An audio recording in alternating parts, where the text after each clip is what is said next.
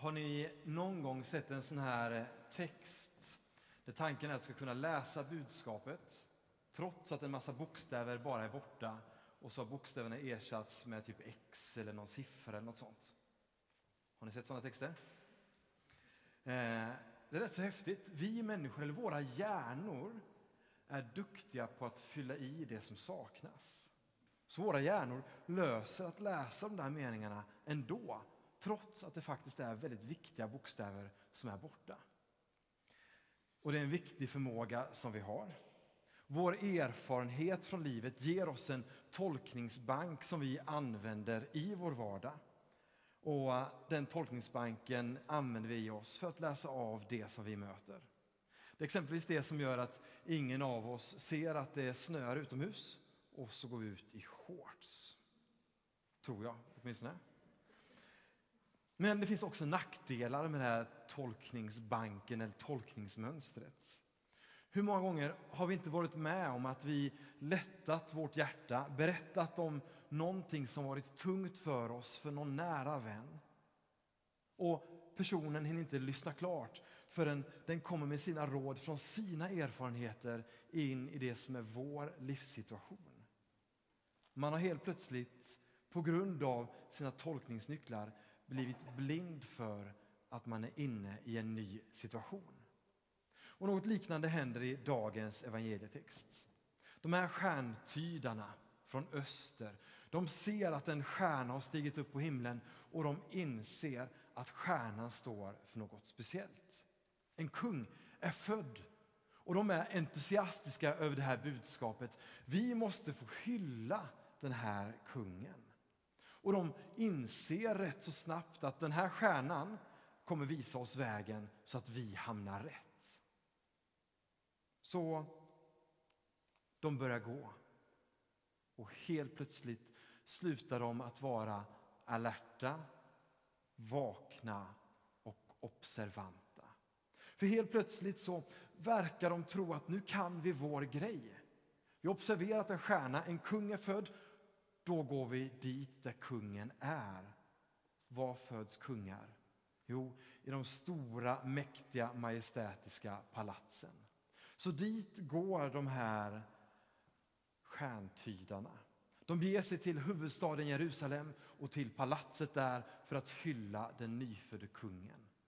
De trodde att de kunde sin grej. De började använda sina förutfattade tolkningsnycklar och de hamnade helt fel. För istället skulle de ha gått till den där intilliggande, obetydliga, knappt märkbara lilla byn Betlehem. Det var dit som stjärnan visade, men det var inte dit de gick.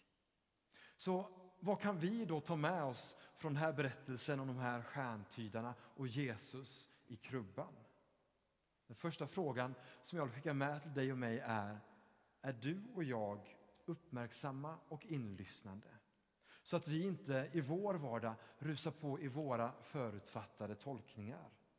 Är vi alerta mot vårt eget hjärta, mot Gud och våra medmänniskor? Den andra frågan jag vill skicka med oss är Lägger vi märke till det eller de obetydliga i vår omgivning?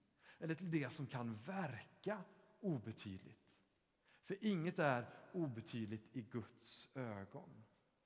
Men om du och jag sätter på oss de glasögonen där vi sätter olika saker på olika status, då finns det risk att vi går miste om mycket.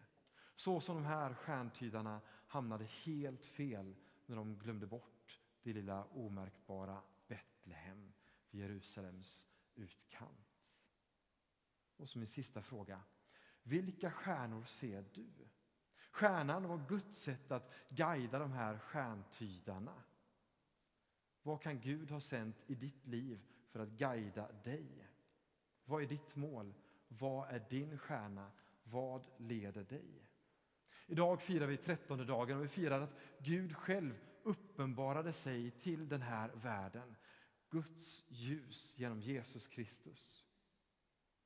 De här stjärntydarna De gick först fel när de sökte, till slut hittade de rätt. Och kyrkofadern Augustinus har sagt,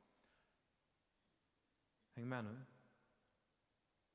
sök det du söker, men sök det inte där du söker det.